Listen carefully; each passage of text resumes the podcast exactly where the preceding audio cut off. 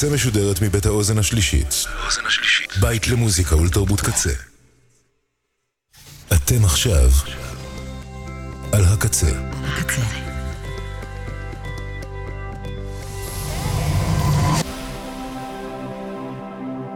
הקצה, הסאונד האלטרנטיבי של ישראל. הקצה. הקצה. kzradio.net Welcome. It's nice to have you here.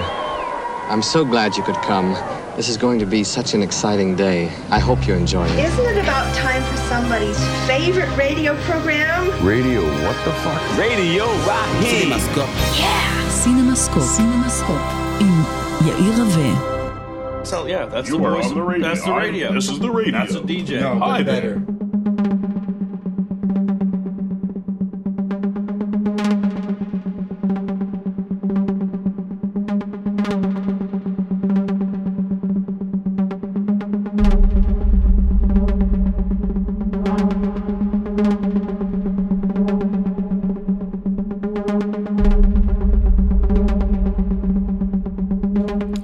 שלום לכם.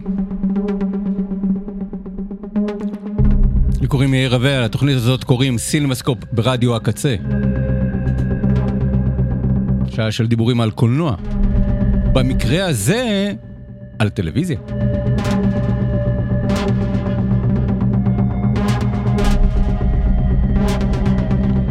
זו תוכנית מספר 398.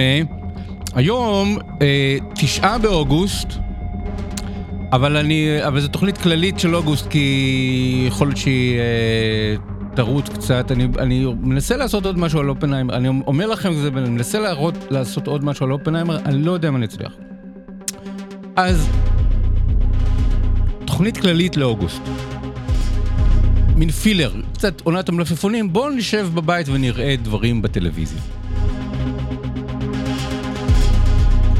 אבל דברים קולנועיים בטלוויזיה. את התוכנית עושים עומר סנש, בן אש, לאה שפיגל, תודה לאוזן השלישי, תודה לצוות האתר kzradio.net על כל התכנים הכתובים והמנוגנים שיש שם. ייכנסו, האזינו וקראו. המון אנשים עושים את התוכנית מאחורי הקלעים ותודה רבה להם. תודה לקוואמי ותודה לכם שאתם אה, מאזינים. ותודה לסינמטק תל אביב. כי אה, סינמטק ברדיו הקצה משודר בחסות סינמטק תל אביב. והנה כמה אירועים שקורים השבוע בסינמטק תל אביב ממש במיוחד עבורכם, מאזיני התוכנית. ביום ראשון בשעה שמונה יוקרן הסרט שמונה הרים, עיבוד לספרו עטור הפרסים של פאולו קונייטי. שמונה הרים עוסק בסיפור התבגרות בלתי נשכח ומצולם להפליא עם שניים מן הכוכבים הגדולים של הקולנוע האיטלקי. פייטרו בן ה-11 מגיע לראשונה עם הוריו לכפר קטן במרומי הרי האלפים, שם הוא פוגש את ברונו, הילד האחרון בכפר. השניים מבלים את ימי הקיץ יחד בפסגות, בעמקים, על רקע השלג שלא מפשיר. ברונו נשאר בכפר, פייטרו בא והולך, עד ששנים אחר כך הם נפגשים שוב באותו מקום, זוכה פרס חבר השופטים בפסטיבל כאן. גם סרט שגם אני מאוד חיבבתי, דיברנו עליו לפני כמה שבועות, חפשו את ההרחבה שלי עליו. ביום שני בתשע וחצי, המועדון לבעלי עצבים חזקים יחגוג יום הולדת חמש, חמש שנים של סרטים עם הקרנת הסרט אודישן. מפיק טלוויזיה אלמן משתכנע לחפש אישה חדשה, מחליט על צעד ערמומי לבחירת קלתו החדשה.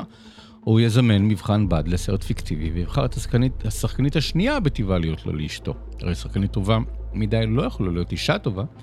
את עיניו צד הנערה דקיקה וצנועה בשמלה לבנה, בלרינה לשעבר, שקלטה וביישנית.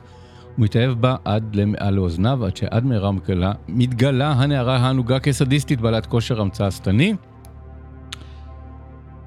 אה, כן, סרט באמת מזוויע. ביום שלישי בשבע, במסגרת שבוע הקולנוע הצ'כי, הוקרן הסרט אה, החייל האמיץ, עיבוד אה, אולטימטיבי לספרו הסאטירי הקלאסי הנפלא של ירוסלב האשק. עלילותיו של יוזף שוויק, שווייק, חייל צ'כי המגויס לצבא האוסטרו-הונגרי במלחמת העולם הראשונה ועושה ככל יכולתו כדי לחמוק ממוות, מקרבות ומעבודה קשה. שילוב של הומור עממי ואירוניה חדה מראה את חוסר התוחלת של כל מלחמה. עיצוב הסרט מושפע מאיוריו האיקוניים של הצייר יוסף לאדה, שאייר את הספר המקורי של האשק. אתם, מאזיני סינמסקופ ברדיו הקצה, רק על זה שאתם מקשיבים לזה, יכולים לראות את חייל האמיץ ביום שלישי בשבע, ב-15 שקלים בלבד בסינמטק. אם בעת הזמנת הכרטיסים תזינו את קוד הכתב- ההטבה KZ23, KZ23 באתר סינמטק, והחייל האמיץ, על פי החייל האמיץ שווייק, אה, ביום שלישי בשבע ב-15 שקלים בלבד. פרטים נוספים על הסרטים האלה והכרטיסים להם ועוד הרבה סרטים נוספים שהוקרנו השבוע בסינמטק תל אביב, הכל באתר cinema.co.il. ותודה גם לבית ספר מעלה לקולנוע וטלוויזיה בירושלים, כי התוכנית משודרת גם בתמיכתם ובחסותם ובעידודם. וב... אם אתם חושבים על לימודי קולנוע, תחשבו גם אה, מעלה, קולנוע או תסריטאות. אני מלמד שם אם זה עוזר לכם איכשהו. לקבל עצות, או להתייעץ, או לשאול שאלות, או, או משהו כזה, או שתיכנסו לאתר מעלה.co.il ותראו מה קורה שם. אלה הדברי החסות שלנו. היום לצורך אוגוסט, פשוט כי אה, עלו שתי עונות חדשות בשבוע האחרון, שמאוד נהניתי מהם, וחשבתי שזו הזדמנות אה, לדבר עליהם אה, קצת.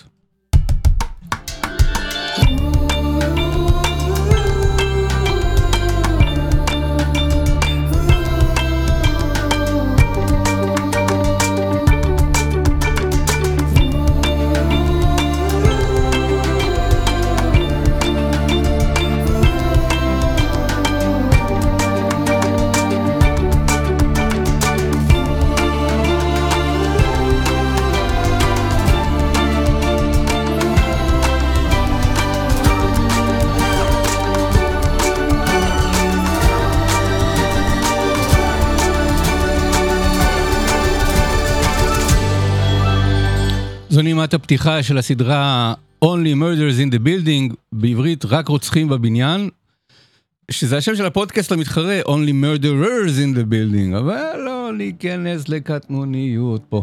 המלחין הוא דרך אגב סידהרתה, סידהרתה קוסלה, אה, שזה השם הכי אה, חביב למלחין מאז קרישנה לוי, שהוא מלחין אמיתי, צרפתי, ופה סידהרתה אה, קוסלה שהלחין את הסדרה הזאת. אתמול עלתה העונה השלישית של הסדרה הזאת בדיסני פלאס, פלוס, פלאס, איך אתם אומרים? סידני פלוס? דיסני פלוס? מאוד חיכיתי לה. מאוד מאוד אהבתי את העונה הראשונה. סטיב מרטין ומרטין שורט יחד עם אה, אה, שפע אה, שחקנים משנה ובייחוד סלינה גומז, עושים מין אה, משהו שבהתחלה נשמע איזה מין חלטורה כזו של סטיב מרטין ומרטין שורט שהרבה עובדים הרבה ביחד ואז אמרתי טוב הם עושים סדרה להולו. אבל הייתה כל כך חיננית וחמודה ומשעשעת והצחיקה אותי אה, על שני קשישים, אחד איש טלוויזיה, שחקן טלוויזיה והשני במאי תיאטרון, שגרים ב, בבית, אה, בבית אה, קצת כמו הדקוטה, מקום שנקרא אה, הארקוניה. קצת הד- הדקוטה, אה, בית דירות מהודר לאנשים מבוגרים ועשירים, has-beens רובם, למרות שסטינג גר ב, בעונה הראשונה בפנטהאוס, ובעונה השנייה זה איימי שומר שגר בפנטהאוס. ויש רצח בבניין, והם מחליטים לחקור את, ה, את הרצח ולהפוך את זה לפודקאסט, כי היום כולם עושים פודקאסטים. אז כשזה התחיל לפני שנתיים, שלוש, זה היה מאוד משעשע, כי זה סטיב מרטין ומרטין שורט מנסים להתחבר עם uh, מושגים של uh, צעירים ושל uh, עולם של פודקאסטים ושל, ושל עולם האונליין ועולם האינטרנט, ולהתחבר עם העולם הזה של סילנה גומז.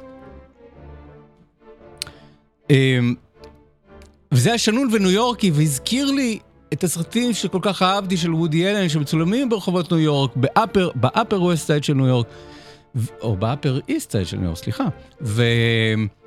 וש...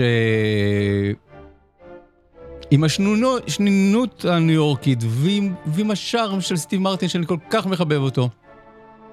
וההומור הלוחץ של, אה, של מרטין שורט, שזה שני שליש משלושת האמיגוס, חיבבתי. ואז הגיעה העונה השנייה, שהצחיקה אותי ושהשעה אותי, אבל הייתה פחות טובה. ולמעשה בפרק הראשון של העונה השלישית, אחד האנשים אומרים, אה, אתם האלה, אלה שעשיתם את הפודקאסט על, אה, על הרצח, על הרציחות.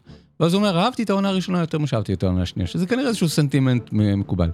היום מגיע, אה, אתמול הגיעה העונה השלישית, והיא פחות טובה מהעונה הראשונה והשנייה, אבל יש בה משהו שאני לא יכול אה, להתעלם ממנו שמוצא חן בעיניי מאוד. קודם כל, זיכרון, להיזכר, אם לא ראיתם, קודם כל, אם לא ראיתם את העונה הראשונה, תראו אותה, היא ממש משעשעת.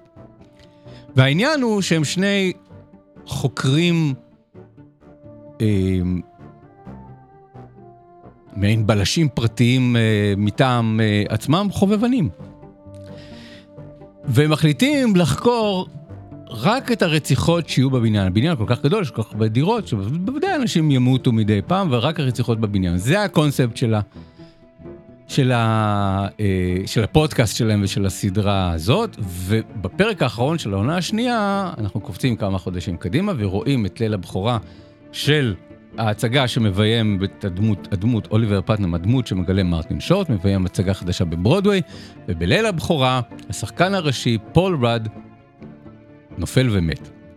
ואז העונה החדשה מתחילה בזה של רגע, זה לא יכול להיות פודקאסט כי הוא לא מת בבניין. מה עושים עם הקונספט שכפינו על עצמנו גם לסדרה וגם לפודקאסט, ויש לזה פתרון מאוד מאוד נחמד ומשעשע, והם לא חורגים מהקונספט שהם אה, אה, הבטיחו לעצמם והכתיבו אה, אה, לעצמם, והם עדיין חוקרים רק רציחות בבניין. אה, וגם רק רוצחים בבניין. אחד הדברים ש, שמצאו חן בעיניי בעונות הקודמות, זה שמעבר לזה שיש בדיחות פנימיות על עולם הקולנוע והתיאטרון ועל, ועל העולם הזה של ה, אה, הכסף הישן של אה, אה, ב, ברחובות ניו יורק והאנשים העמידים שהם מנותקים משאר העולם וחיים איזה חיים של, של, של פינוק ופריבילגיה. התעלומות עצמם היו טובות, זה נכתב במקביל לזה שהיו את כל הסדרות האלה של, של, של ריין, ריין ג'ונסון, כן, גם, גם רצח כתוב היטב וגם סרט ההמשך שלו, גלס אוניון, וגם הסדרה שלו, פוקר פייס, שפתאום קצת חזרה לחיינו, אגתה קריסטי, לספר סיפור בלשי שמתפתל ושאנחנו שמים לנו זרקור על חשוד או חשודה, ומיד ברור לנו שהיא בוודאי זו שרצחה את ה... את הדמות ש, ש, שנרצחה, ואז תוך פרק מדבר שלא יכול להיות שזה יהיה, אבל יש מישהי אחרת, ואנחנו עוברים חשוד חשוד וחשודה חשודה, עד שבסופו של דבר כולם מכונסים בחדר אחד, ושוב יש לזה היגיון, כי זה הכל מוקלט לפודקאסט, והחוקרים שלנו, הבלשים שלנו, מצביעים על ה, אה, מי שהם חושבים שהוא הרוצח או הרוצחת. אה, אז שוב, במשך עונות של עשרה פרקים, פרקים קצרים, חצי שעה כל אחד. יש איזשהו סוג של אה, את החביבות הזאת והמתח האמיתי של מי, אנחנו לא יודעים מי, מי עשה את זה, מי רצחה או רצח את, ה, את, ה, את האנשים. אה, וזה יתגלה רק אה, בפרק האחרון. נדמה לנו שאנחנו יודעים לפני זה, אבל זה יתגלה רק בפרק האחרון. העונה השלישית מתרחשת בעולם התיאטרון. העולם של אה, אוליבר פטנר, העולם של ברודוויי, הוא עושה קאמבק לברודוויי. וכאמור, הסדרה זכתה לכל כך הרבה הצלחה וחיבה, שגם בעונה הזאת תמצאו גם את פול רד בתור כוכב ההצגה שהוא גם קורבן הרצח, אה, אבל רואים אותו בפלשבקים, לכן הוא מופיע בכמה וכמה פרקים. וגם מריל סטריפ, עד כדי כך עושה מה שהיא רוצה, שהיא באה לעשות חיים יחד עם מרטין, אה, מרטין שורט וסטיב מרטין. אה, אה, ופה אני רוצה להגיד משהו על מריל סטריפ. אנחנו יודעים שהיא שחקנית נהדרת. אבל כמה היא נהדרת? היא נהדרת בזה שהיא מגלמת בעונה הזאת אה, שחקנית משנה בברודוויי שחולמת לשחק בברודוויי. והיא לא מספיק טובה. והיא עושה אודישן מצוין, היא מגיעה לאודישן, ואודישן נפלא. ואז היא מגיעה לחזרה הראשונה, והיא משחקת נורא. פתאום כולם מבינים שהיא לא מסוגלת לעמוד על במה, היא טובה באודישן, היא לא כל כך טובה בביצוע. עכשיו, צריך להיות מריל סטריפ כדי להיות מדהימה באודישנים, ולהיות ממש גרועה ב... אחר כך על הבמה, ו... ושזה ייראה מדהים. בשני המקרים האלה. כלומר, אם אתם רוצים לראות את המנעד של מריל סטריפ כשחקנית תיאטרון וטלוויזיה ומסך, אבל גם כקומיקאית, אז יש בר... בסרט... בסדרה הזאת, בעונה הזאת, רגעים מופלאים שלה, שבהם אה, היא או מתוקה או מרושעת, או מצוינת או גרועה, והיא צריכה להיות כל הדברים האלה, ואנחנו צריכים להבין מה, מה הסיפור שלה כ, כשחקנית. האם היא חשודה? האם היא אה, שחקנית טרגית כזאת שרוצה להיות בתיאטרון ולא מצליחה למצוא את הדרך לזכות לפריצה, והיא כבר מאוד מאוד מבוגרת, ואולי זו ההזדמנות האחרונה שלה לקבל תפקיד, ואולי באמת לא מספיק טובה, ו, ומריל סטריפ פשוט מענגת. היא לא נמצאת בכל הפרקים, אבל אם תסתכלו בקרדיטים ותראו שזה פרק עם מריל סטריפ, כדאי לכם, כדאי לכם לראות אה, את זה, את הפרק הזה. אז, אה, וגם עוד דבר, הוא מביא מיוזיקל, אוליבר פטנאם ומי שכותבים את השירים למיוזיקל, חלקם שירים גרועים וחלקם שירים נהדרים, ממש, הם פסק ופול. בנץ' פסק ואלה שכתבו את השירים לדיר אבן הנסון ולחלק מהשירים של לה לה לנד ול-The Greatest Showman, שניים מהמלחינים וכותבי השירים הטובים ביותר שיש עכשיו בברודוויי ובהוליווד, הם כתבו את השירים למיוזיקל שאוליבר פטנר מביים בברודוויי. אז אז אני מתמוגג, אני מודה שהעונה השלישית פחות סוחפת מה, מהעונות הקודמות, אבל יש בה מספיק בדיחות פנימיות, וזה גורם לי לחשוב אה, האם העונה הרביעית, שבוודאי תהיה, אם היא תהיה בעולם הטלוויזיה. כי אוליבר פטנם מגיע מעולם התיאטרון, והדמות של צ'ארלס סאביג', הדמות שמגלם סטיב מרטין, מגיע מעולם הטלוויזיה, הוא שיחק שנים בדמות כלשהי בסדרת בלשים טלוויזיונית. אז אולי יהיה לו מין קאמבק טלוויזיוני ורצח על הסט ב, בטלוויזיה. אמ, ג'יין לינץ' מופיע בתפקיד משנה מאוד נחמד בתור הכפילה של, של סטיב מרטין ב, בטלוויזיה. הרבה בדיחות פנימיות, וזה חינני וקליל וחטיף, אמ, ניו יורקי, אפסקיילי, לבן, אבל uh, קצת יש בזה מין איזשהו סוג של טעם של פעם, טעם כזה של קולנוע ניו יורקי, uh, אליטיסטי, נובו רישי של פעם, וחיבבתי את זה מאוד. יש עוד uh, סדרה שהעונה החדשה שלה עלתה ב... בשבוע שעבר, והיא uh, The Bear. סדרה שאין לה מוזיקה מקורית, אלא המון המון שירים בפסקול. וקטע אחד שחוזר בהרבה פרקים, ברגעים הכי דרמטיים של הפרקים, או הכי אינטנסיביים של הפרקים, יש את הקטע הזה שלא, להקה שאני לא מכיר, שנקראת Refused.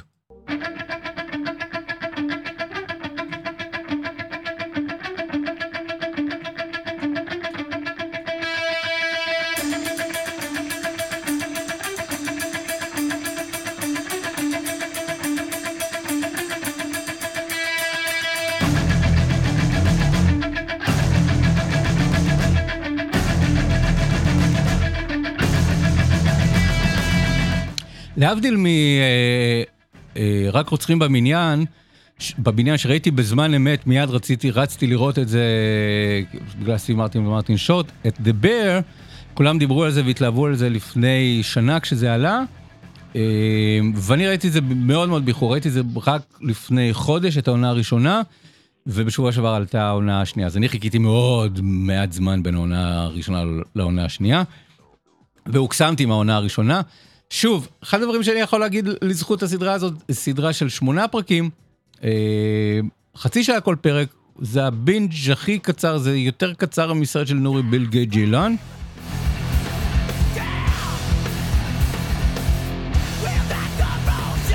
אה, ארבע שעות ואתם אה, גורמים לזה והפרמיס של הסדרה הוא כזה אה, בחור בשם קרמיין ברזטו שהכינוי שלו ושל אחיו הוא The Bear ברזטו. אה, וכולם קוראים לו גם כרמי. אה, והוא שף במסעדת משלן, אבל אח שלו מתאבד, ולאח שלו יש אה, מסעדת, מסעדה בית, לאוכל ביתי. אוכל ביתי אה, של סנדוויצ'ים, ובשר וסנדוויצ'ים, The Beef בשיקגו. האח מתאבד, והאח, קרמיין, הגיבור שלנו, אה, לוקח על עצמו לעזוב את המסעדה, מסעדת המשלן, שהוא השף הראשי שלה, ולחזור הביתה לשיקגו ולרשת את, את, ה, את, את מקומו של אחיו, ולהעמיד את המסעדה הקטנה הזאת על, ה, על הרגליים. ולהפוך אותה גם למסעדה של אומנם של פסט פוד, של, של סנדוויצ'ים ובשר, אבל עם אה, ערך קולינרי אה, אה, בכיר. אז יש פה גם עניין משפחתי של האיש שחוזר הביתה. אני מאוד אוהב את הסיפורים של ה... האיש שחוזר הביתה. ו... וגם אה, עיתן לזה של עולם, עולם המטבחים, של איך נראה מטבח מאחורי הקלעים, וזה נראה משוגע, לכן המוזיקה הזאת של אוליפיוז מייצגת את, אה, את ההיסטריה במטבח. אז העונה הראשונה עוסקת בזה, בזה שהוא חוזר הביתה. העונה השנייה שהתחילה בשבוע שעבר עלתה כולה בבת אחת, עוד לא ראיתי את הכל, אבל אני יכול כבר לדבר על זה, עוסקת בזה שהוא רוצה להקים את המקום מחדש ולהפוך את זה למשהו אחר, משהו אישי יותר, משהו ש... יותר אה, שלו. לכן, יש משהו בעונה השנייה, שהוא אמנם עם אותן דמויות, אה, ואותו לוקיישן, אבל זה קצת כמו סדרה אחרת לגמרי עם אופי אחר, מאופי של, אה, של מסעדת פסט פוד של כריכים, של אנשים שבאים לארוחת צהריים, לאופי של בואו נקים מסעדה, מסעדת שף אה, עם אספירציה לקבל כוכב משלן. זה ממש זה הדבר הזה. ואז גם הדינמיקה בין הדמויות משתנה, כי הוא הופך להיות האקזקוטיב שף, השף הר- הראשי, וכל האנשים מתחתיו הופכים להיות שפים יותר ברורים. אז כל ההיררכיה הזאת של, המטבח, ואיך למנוע, למנוע אה, מכות ו, ו, ותאונות, וזה, אה, במטבח קטן וצפוף, והעונה השנייה עוסקת באיך בונים כזה דבר, איך בונים מטבח, איך בונים מסעדה מאפס. אה, הורסים אחת ובונים אחת אה, אה, מחדש. אה, היוצר הוא כריסטופר סטורר, ש, שעבד עם... אה, אה, לא רשמתי את השם של הסטנדאפיסט שהוא עבד איתו, תכף נזכר בזה. אה, ש- שביים תוכניות אה, אה, מופעי סטנדאפ. shit. אני משאיר את זה, כדי שתזכרו שכשאני לא רושם לפניי את השמות של האנשים, אני שוכח, ועוד עוד רגע זה יחזור אליי. כריסטופר סטורר, של, אה, לא ידעתי עליו שום דבר. הדברים כתובים נורא יפה, באנרגיה מאוד גדולה, האנשים כל הזמן נמצאים, נמצאים שם במצוקה, זה איזשהו סוג של מחנה פליטים המסעדה הזאת, ובעיקר מה שתפס אותי בסדרה הזאת, זה שאנחנו כל הזמן מדברים על, על, על טלוויזיה, אבל יש בסדרה הזאת משהו שהוא נורא קולנועי. עכשיו, זה נורא קשה לה- להגדיל, לה- להגדיר איפה נגמרת הטלוויזיה ומתחיל הקולנוע, אבל אני שואל את עצמי, האם זה משהו שהייתי שמח לראות על מסך קולנוע, אם הייתי יוצא מהבית לראות את זה בקולנוע, ויש לא מעט פרקים ויש לא מעט רגעים שאני אומר כן. שאני, אה, ש, שיש פה משהו, א', זה מאוד ניכר בעונה השנייה ש- שכריסטופר סטורר ביים בעצמו את רוב הפרקים. אה, חוץ מפרק 4 מאוד יפה שביים רמי יוסף. הוא ביים את, הוא אה, היה התסריטאי ואחד הבמאים של, אה, של רמי, של הסיטקום של רמי יוסף, אז רמי יוסף בעצמו מביים את פרק 4 בעונה השנייה. אה, אז אה, שימוש בקלוזאפים בעונה הזאת הוא נורא נורא אמיץ ו- ומאוד קיצוני. אה, קל- הוא- הוא בונה על זה שיש לכם אה, טלוויזיה גדולה ו- ויושב על הדמויות שלו באקסטרים קלוזאפים, נורא נורא נורא מקרוב. ומדברים ומרגישים ורואים כזה כל נקבובית ב- ב- בעור שלהם. וזו מחשבה שהיא לכאורה, יש בה משהו טלוויזיוני, כי קלוזאפים זה מדיום טלוויזיוני, להבדיל מלונג שוטים. מצד שני, הקלוזאפ כל כך קיצוני, שיש בזה משהו שהוא נראה כמו קולנוע צרפתי. לקולנוע, לצרפתים יש את העניין הזה של לפעמים לצלם אנשים מאוד מאוד מאוד מאוד מאוד בקרוב.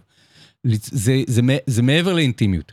זה מין איזשהו סוג של קרבה שהיא כמעט לא נוחה, שאנחנו כמעט מרגישים את הזיעה שלהם, של, ה, של האנשים האלה. אז יש את הדבר הזה.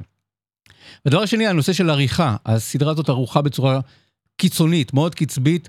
יש בה, זו סדרה על עצבים, סדרה על התמכרויות, זו סדרה על, על אנרגיה, סדרה על אדרנלין, וזו סדרה על שיקגו, סדרה שכל האירועים שמתרחשים בשיקגו, וזה עושה פרסומת אדירה, כמו שאמרתי שרק רוצחים בבניין היא סדרה מאוד ניו יורקית, אז הסדרה הזאת, בהיעדר שם אחר, היא מאוד שיקגואית. הלוקיישנים, הרחובות, האנרגיה הזאת של האנשים, שיש מצד אחד את העולם התחתון ואת סוחרי הסמים, ואת הפיינשמקרים שבאים לאכול אוכל טוב, ואנשי הכספים, והשוק האפור, וכל הדברים האלה מתקבצים יחד ברחוב הזה בשיקגו עם הנופים של, של, של האגם, אגם מישיגן, וה, והגשרים, וגורדי השחקים.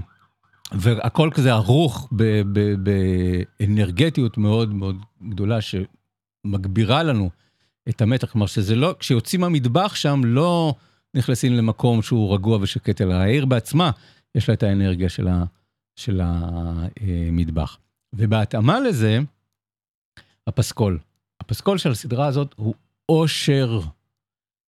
אה, כל פעם זה ממש ג'וקבוקס, הם בוחרים שירים, והשירים, אחד הדברים שהדהימו אותי זה שהם שמים הרבה פעמים את השירים מההתחלה עד הסוף.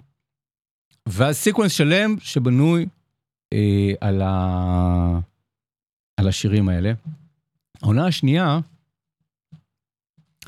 אה, מתחילה עם זה שהם אה, הורסים את המסעדה הישנה, מתחילים לבנות את המסעדה, המסעדה הישנה נקרא, נקרא The Beef, המסעדה החדשה תקרא The Bear.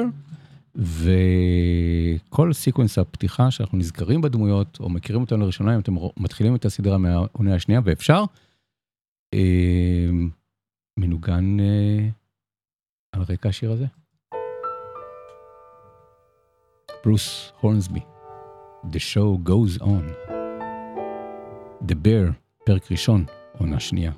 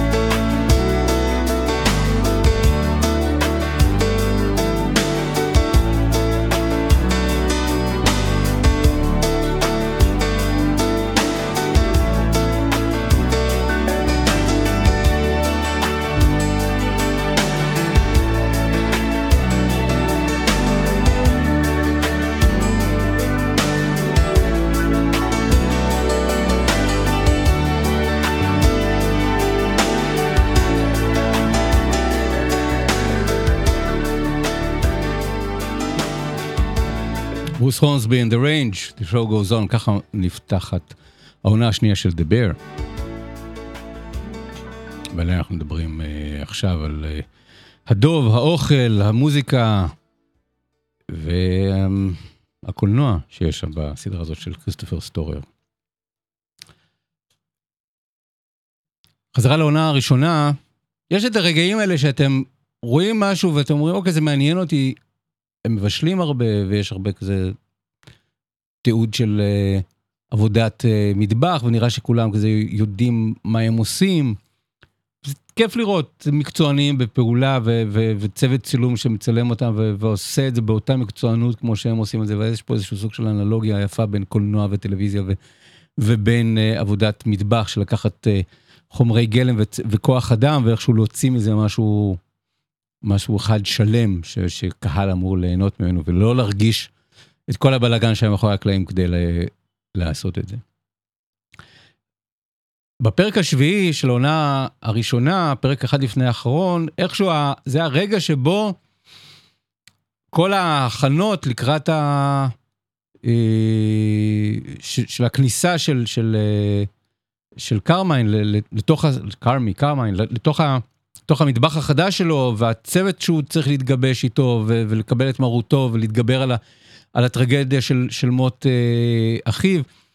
הכל שם נכנס לפעולה, נכנס להילוך גבוה, ומתחילים סוף סוף את ההגשה של ארוחת הצהריים הראשונה המלאה שלהם במסעדה, בניהול החדש, שכולם אמורים לדעת את תפקידם, ומתחיל הלחץ הזה, מה שנקרא The Lunch Rush, של uh, המוני אנשים רעבים, רוצים את הסנדוויץ' שלהם, את סנדוויץ' הבשר שלהם, נכנסים למטבח, ו... לא למטבח, למסעדה, והכל צריך לעבוד גם במטבח וגם אה, מקדימה, על ה...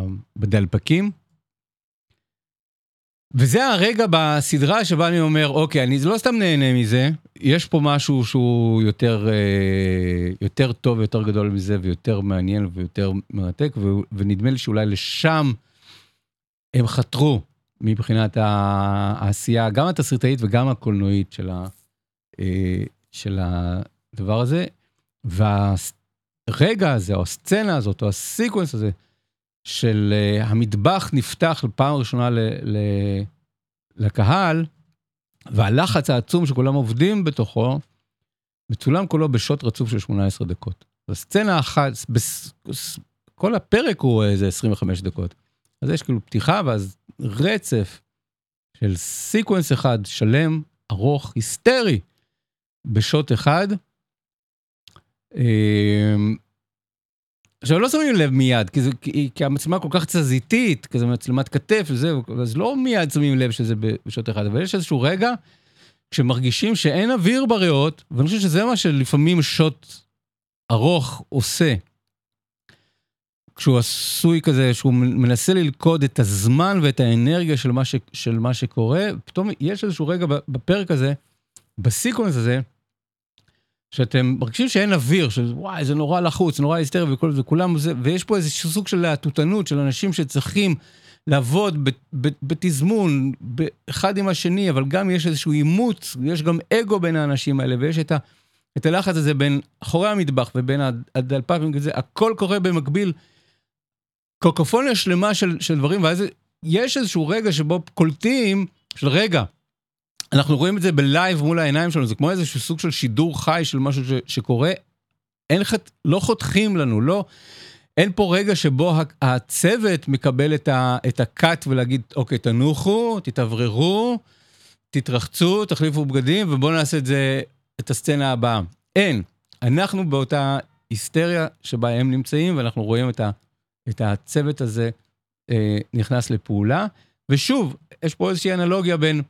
עולם המטבח ועולם הקולנוע, אה, כי אנחנו מבינים שהשחקנים שמגלמים את, את הטבחים, היו צריכים שישה פרקים כדי להתגבש גם כצוות וללמוד ולעשות את, ה, את הדבר הזה בלייב מול מצלמה שלא עושה קאט. ולנהל בעצם מטבח. מטבח פועל. אני סקרן לדעת איזה סנדוויצ'ים יצאו משם בסצנה הזאת. האם באמת הם יודעים לבשל או שהם רק יודעים לעשות את ה... את התנועות. והדבר השני שמדהים הוא, שכל ה sequence הזה, לא כולו, כי אמרתי זה sequence של 18 דקות, 11 דקות מתוכו מלווים בשיר אחד של ווילקו. וגם זה מדהים, כי אמרתי, אחת הבחירות המאוד מעניינות של זה, שאין רגע כזה שנכנס שיר ואז השיר מתפייד החוצה. הרבה פעמים בסדרה נכנס שיר, והשיר הזה ילווה את כל הסצנה עד הסוף. אז אם זה שיר של שבע דקות, זאת תהיה סצנה של שבע דקות. אם זה שיר של חמש דקות, זה סצנה של חמש דקות, וכן הלאה וכן הלאה, והיא תהיה עד הסוף. וכשיגמר השיר, תיגמר הסצנה. זה מרתק, זה נפלא, זה שימוש מאוד מאוד יפה במוזיקה. ואז הסיקוונס הזה אה, מלווה בשיר של ווילקו. אה, שנקרא Spiders, בסוגריים Kidsmoke, שיר של 11 דקות בהופעה חיה בשיקגו. באופן כללי, בהתחלה חשבתי שכל המוזיקה היא מוזיקה משיקגו, אבל לא. יש שיר, שירים מכל העולם ומכל התקופות, אבל יש איזושהי העדפה מסוימת לשיקגו. ווילקו מופיע הרבה מאוד בפסקול, כמעט בכל פרק יש שיר של ווילקו משיקגו. אה, יש את שיקגו של סופיאן סטיבנס באחד הפרקים. בהתחלה חשבתי שזה קונספט, אבל זה בסוף התברר שזה לא קונספט. אז אה, אם ראיתם את פרק 7 בעונה הראשונה, זה השיר ש... שליווה את, ה... את הסיקוונס הזה.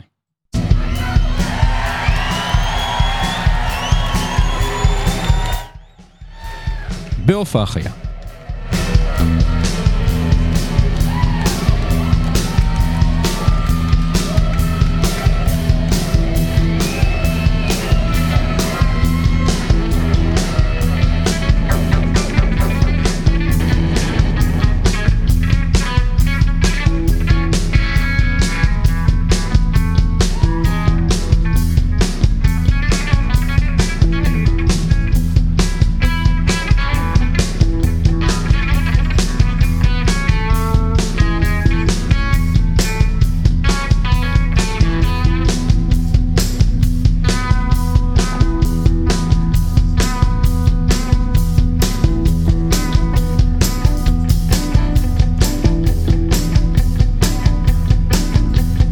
Spiders all in the salty breeze. Spiders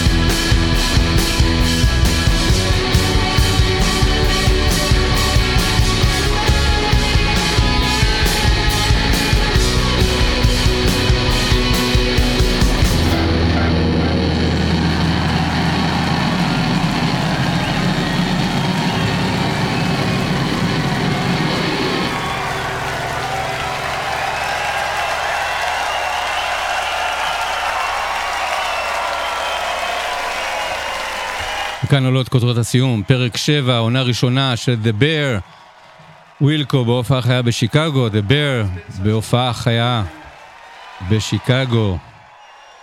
ו...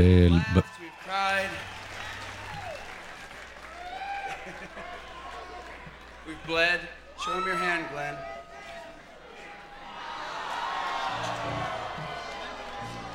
Okay, זה הרגע שבו The Bear הפכה מסדרה שאני מחבב לסדרה שאני מעריץ.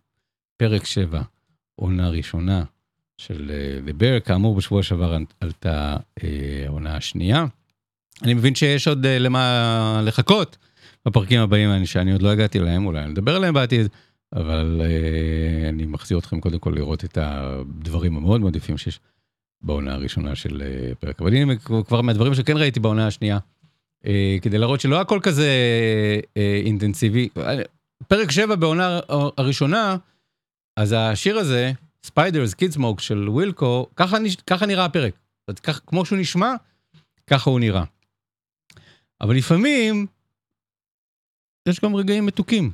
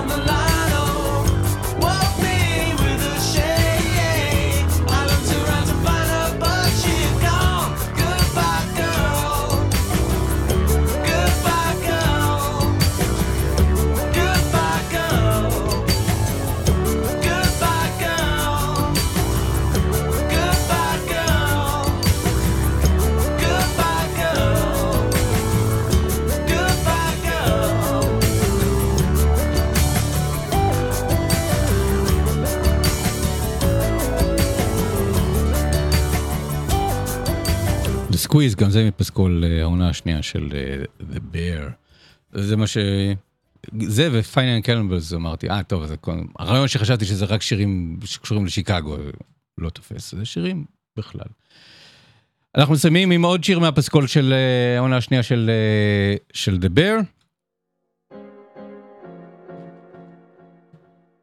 משהו קצת קריר יותר. The Dirty Column, ויני ריילי עם The Dirty, The Dirty Column. קטע שנקרא Future Perfect. אה, אה, אומרים, בקשר Bear, אומרים, If you can't stand the heat, stay out of the kitchen, אני אומר, If you can't stand the heat, stay out of August. אה, אני הולך לחפ- לחפש משהו כזה קריר, אני לא יודע אם אני אחזור. באוגוסט, אז ת, תבואו ות- ותראו, כי אני רוצה לעשות איזשהו משהו עם אה, אופנהיימר, אז אני, אני עוד לא יכול להתחייב על זה. אם לא, ניפגש בספטמבר. יאללה ביי.